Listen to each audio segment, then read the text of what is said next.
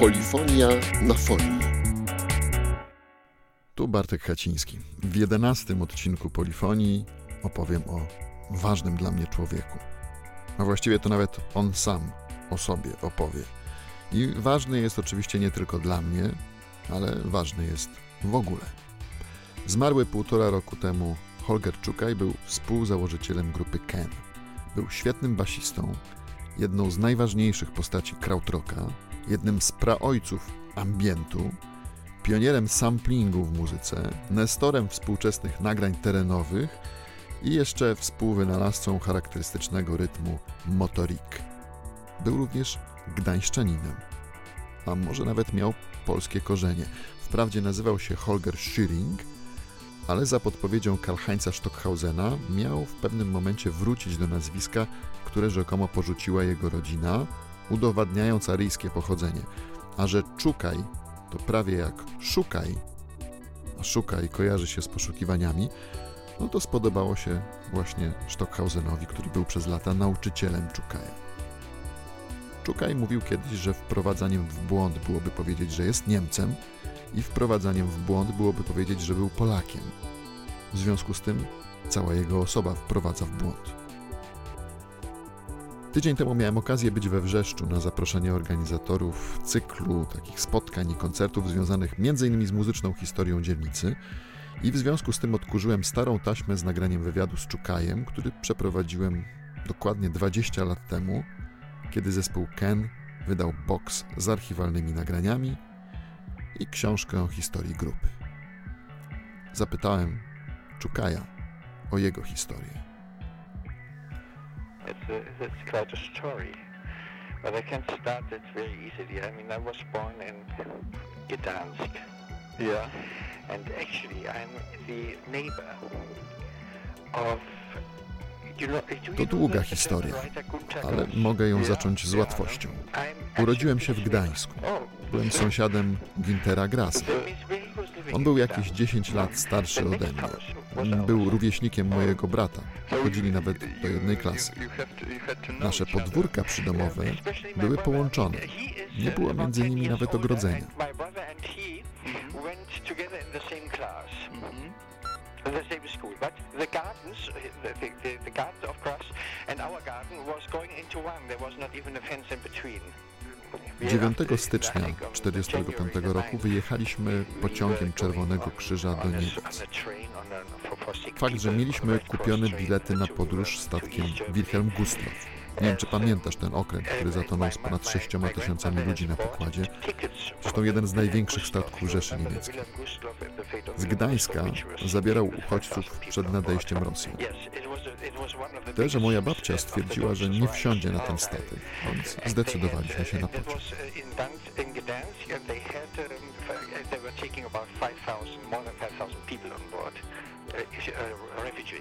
Mhm.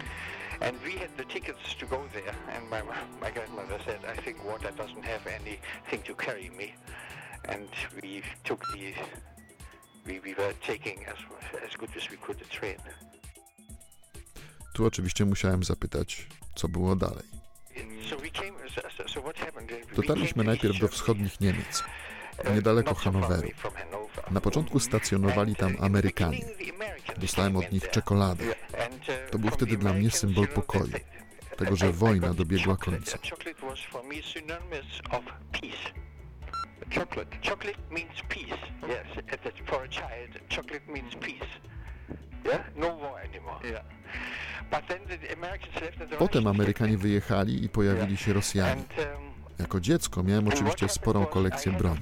Jakieś inne dziecko chciało mnie pobić naprzeciwko szkoły, do której chodziłem. um, I jakaś Rosjanka, żołnierka z posterunku, który znajdował się obok, zaczęła zachęcać inne dzieciaki, żeby mnie pobiły.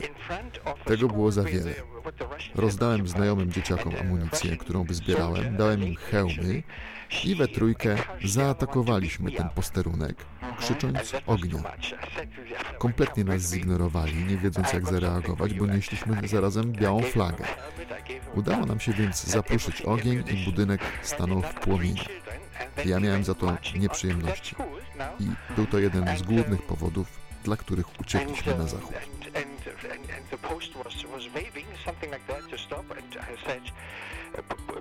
Guns into position and fire. And they didn't understand that somehow, because I was, I was at the same time raising a, a, a white flag. Mhm. Yeah, and that was uh, that was somehow so confusing that it was uh, that, that we were able to um, to set fire to that place, Mhm.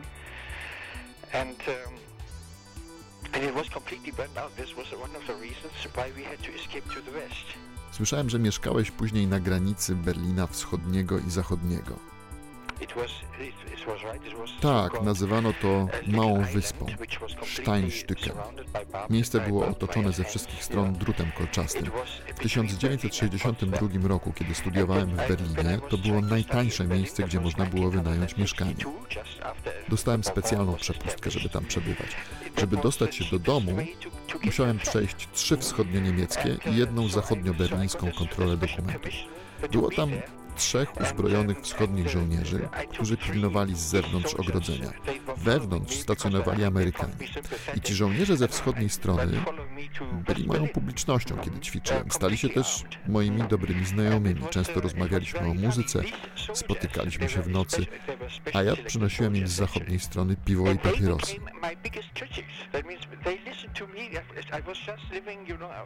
in front of that fence, and uh, they were standing there and listened all the time.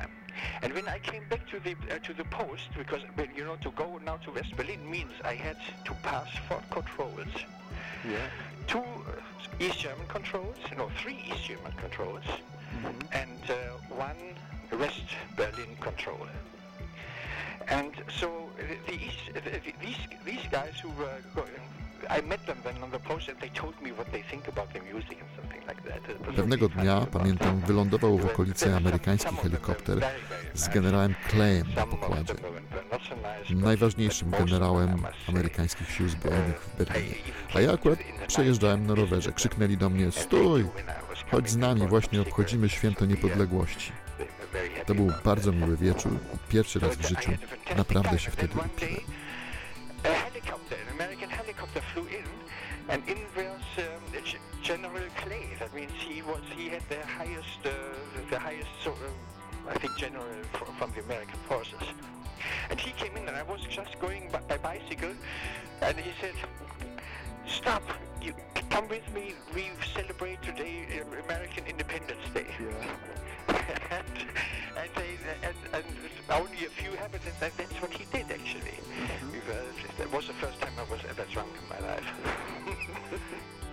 Tu oczywiście musiałem zapytać o Amerykanów, którzy jak wiemy bardzo wpłynęli na całą kulturę muzyczną Niemiec, no i w szczególności na kulturę Berlina Zachodniego. Zapytałem o wpływ, jaki mieli na muzykę, którą tworzył Czukaj. Obozy wojskowe miały rzecz jasna swoje kluby. didn't klubach chciano słuchać muzyki. A zespoły oczywiście nie pochodziły wcale z Ameryki, tylko głównie z Niemiec. Próbowały więc siłą rzeczy grać rock'n'rolla, nawet jazz. W latach 50. mnie bardzo jazz ekscytował.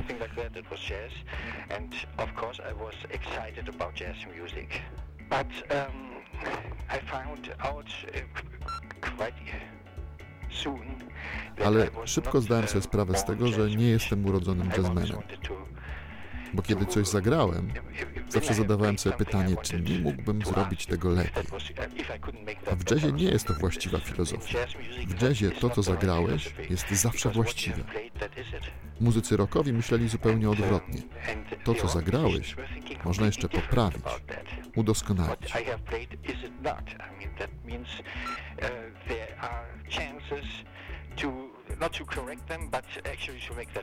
Późne lata 60. to był ruch muzyczny, ale też społeczny, ogólnokulturalny, polityczny. Zapytałem więc Czukaja, czy w zespole czuli się częścią tego zjawiska. W pewnym sensie czułem się częścią tych 1966 przemian kulturowych. Until 68, Tyle tylko, że jako nauczyciel. bo w latach 1966-68 byłem nauczycielem i to moi uczniowie opowiadali mi o Rolling Stonesach, o Jimi Hendrixie, podawali nazwiska, o których nie miałem pojęcia. Jeden z tych uczniów, Michael Karoli, był naszym późniejszym gitarzystą. To on zaprowadził mnie kiedyś do klubu, gdzie spotkaliśmy się i zagraliśmy sesję z Tonym Ashtonem, założycielem brytyjskiej grupy Ashton Gardner and Dye. Byli bardzo popularni w Wielkiej Brytanii, no ale ten groove zagrany tego wieczoru tak bardzo nam się spodobał, że zaproponowaliśmy Ashtonowi założenie wspólnej, eksperymentalnej grupy. Był jednak tak pijany, że prawdopodobnie następnego dnia nic już nie pamięta. Ale niedługo później przyszedł sygnał od Irmina Schmidta, mówiący dokładnie to samo. Załóżmy eksperymentalny zespół rockowy. Odpowiedziałem, że mam fajnego ucznia, Michaela Karoliego, gitarzystę. No i tak powstała grupa K. Nasz związek z całą tą sytuacją polityczną ograniczył się z kolei do płaszczyzny dźwiękowej. W Paryżu, wiadomo, w 1968 roku wybuchła rewolucja, były uliczne zamieszki studentów i my pojechaliśmy tam i nagrywaliśmy je na taśmę. I w czasie pierwszego koncertu, jaki daliśmy jako Ken, odtwarzaliśmy odgłosy tych zamieszek z taśmy jako rodzaj sample. And the first Can concert ever was exactly using these riots as a, as, as a sample. Mm-hmm. As a sample, I From mean tape, tape. from tape. From tape. Yeah. Tu oczywiście nie można było nie zapytać o to, czy nie były to jedne z pierwszych sampli w historii muzyki pop, bo w muzyce współczesnej no, zdarzały się wcześniej. Oczywiście w muzyce współczesnej sampli the było co niemiara. Stockhausen był jednym z pierwszych kompozytorów, którzy stosowali tę technikę. On właściwie komponował z sampli całe swoje utwory. Wspomnijmy Gesang der have z lat brought this 50. to- to- to the pop Ale to nie my przenieśliśmy je do muzyki pop. Przed Ken, był pewien człowiek, rodzaj komediowego muzyka, Amerykanin, który nazywał się Spike Jones. I był pierwszą osobą, o jakiej wiem, która stosowała tę technikę w nagraniu pop.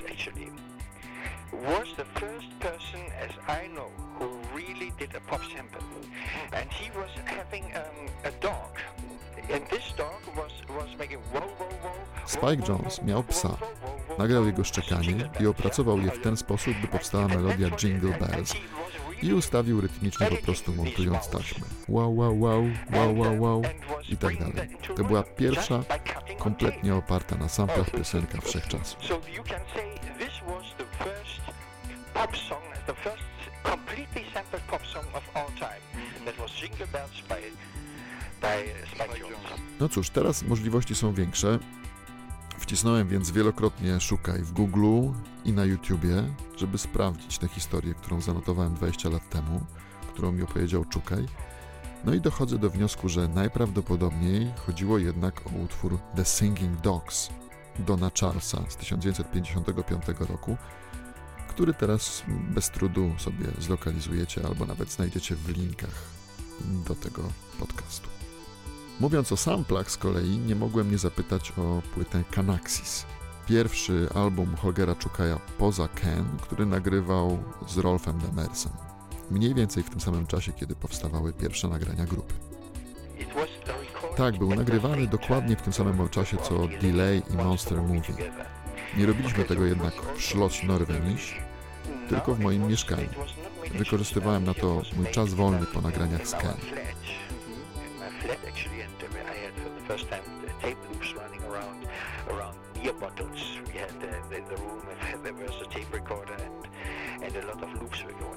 Canaxis była jedną z pierwszych samplowanych kompozycji. Całe mieszkanie miałem wypełnione pętlami taśmy, które mieliśmy ze studia eksperymentalnego w kolonii. Taśmami, które oplątywaliśmy wokół butelek z piwem. Magnetofon stał na podłodze. Ludzie uznają teraz czasem Canaxis za wielki utwór. Cóż, jestem po prostu zadowolony, że go nagrałem.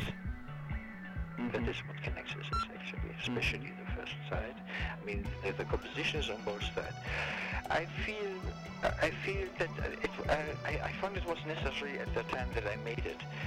But if it is now, uh, um, um, um, people regard it as being a masterpiece sometimes. They do, but, but uh, so I'm, I'm I'm happy that I did it, yes, that's all. Grupa Ken była oczywiście częścią tego, co nazywało się i do dziś nazywa krautrockiem. Nie mogłem więc nie zapytać wtedy Czukaja o ten termin. You must understand, Krautrock to brytyjskie określenie, które pochodzi z czasów wojny. O niemieckich żołnierzach mówiono na wyspach stupid German soldiers kapuściane głąby, od sauerkraut, kiszonej kapusty, rzecz jasna. A ponieważ niemiecka muzyka końca lat because the 60. German brzmiała dla Anglików trochę naiwnie, uważano zespoły z Niemiec i członków za żółtodziobów. Media na wyspach śmiały się z nich. Ale my w Ken nie należeliśmy do tego ruchu, choćby z tego powodu, że krytycy brytyjscy na początku nie uznawali nas nawet za Niemców. Uważali, że jesteśmy Brytyjczykami. Cały związek terminu z marihuaną wymyślono dopiero później. Oryginalnie odnosił się naprawdę tylko do kapusty.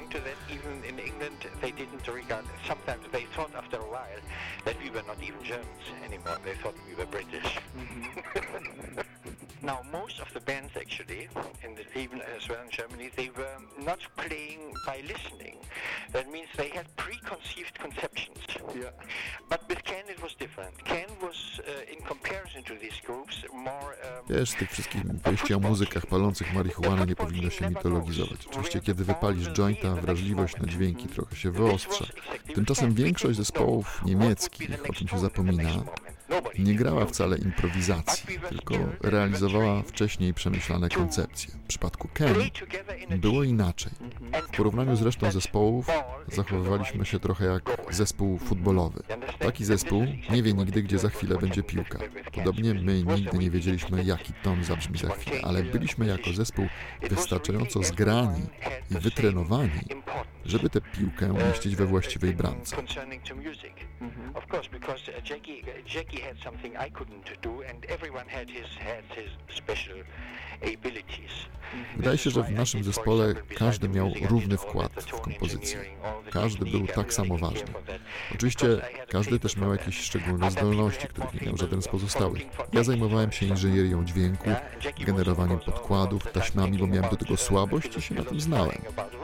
Jaki Lipcaj natomiast ciągle filozofował na temat rytmu.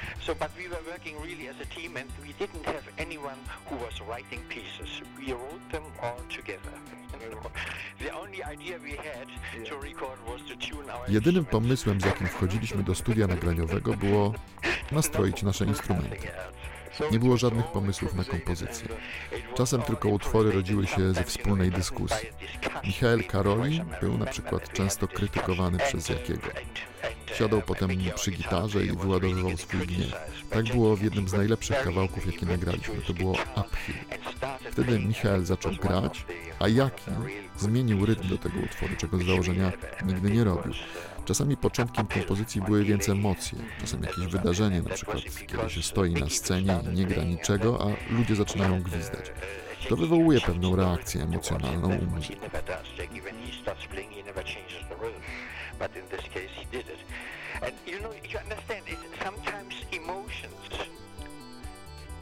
Zapytałem jeszcze Czukaja, kto z jego bardzo licznych współpracowników, z ludzi, z którymi pracował koniec działalności grupy Ken, no i długo po niej, w latach 80. i 90., był dla niego najważniejszy.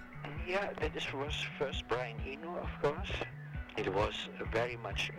Jah Oczywiście ważny był Brian Eno, no i na pewno bass player, so Ja he Wobble, went bo był niezwykle spontanicznym muzykiem, poza tym grał na basie, więc ja mogłem się zająć czymś zupełnie innym. Myślę, że Full Circle, album, który z nim nagrałem, był jednym z najlepszych w moim życiu. Z Jawoblem poznałem się w Londynie. Grał wtedy z Public Image Limited, ale szukał czegoś nowego. Poznał nas dziennikarz z Melody Makera albo z New Musical Express, który zaprosił nas na piwo do swojego mieszkania. Jawobel przyniósł sześciopak piwa, ale po pierwszej butelce zaczęliśmy grać, a po pięciu dniach zdecydowaliśmy się nagrać nasz wspólny utwór. Czy było trudno się dogadać ponad podziałami z muzykiem z punkowej generacji? Nie. Musisz zrozumieć, że Ken był właśnie pierwszą punkową grupą w historii. Na długo przedtem, jak takie zespoły pojawiły się w Wielkiej Brytanii. To uwaga numer jeden. I teraz uwaga numer dwa. Czy wiesz, że matka Jawobla jest Polką? I on ma dokładnie to poczucie humoru, które cenię. Poczucie humoru uciekiniera. Dlatego też jest osobą, która tak dobrze mnie rozumie.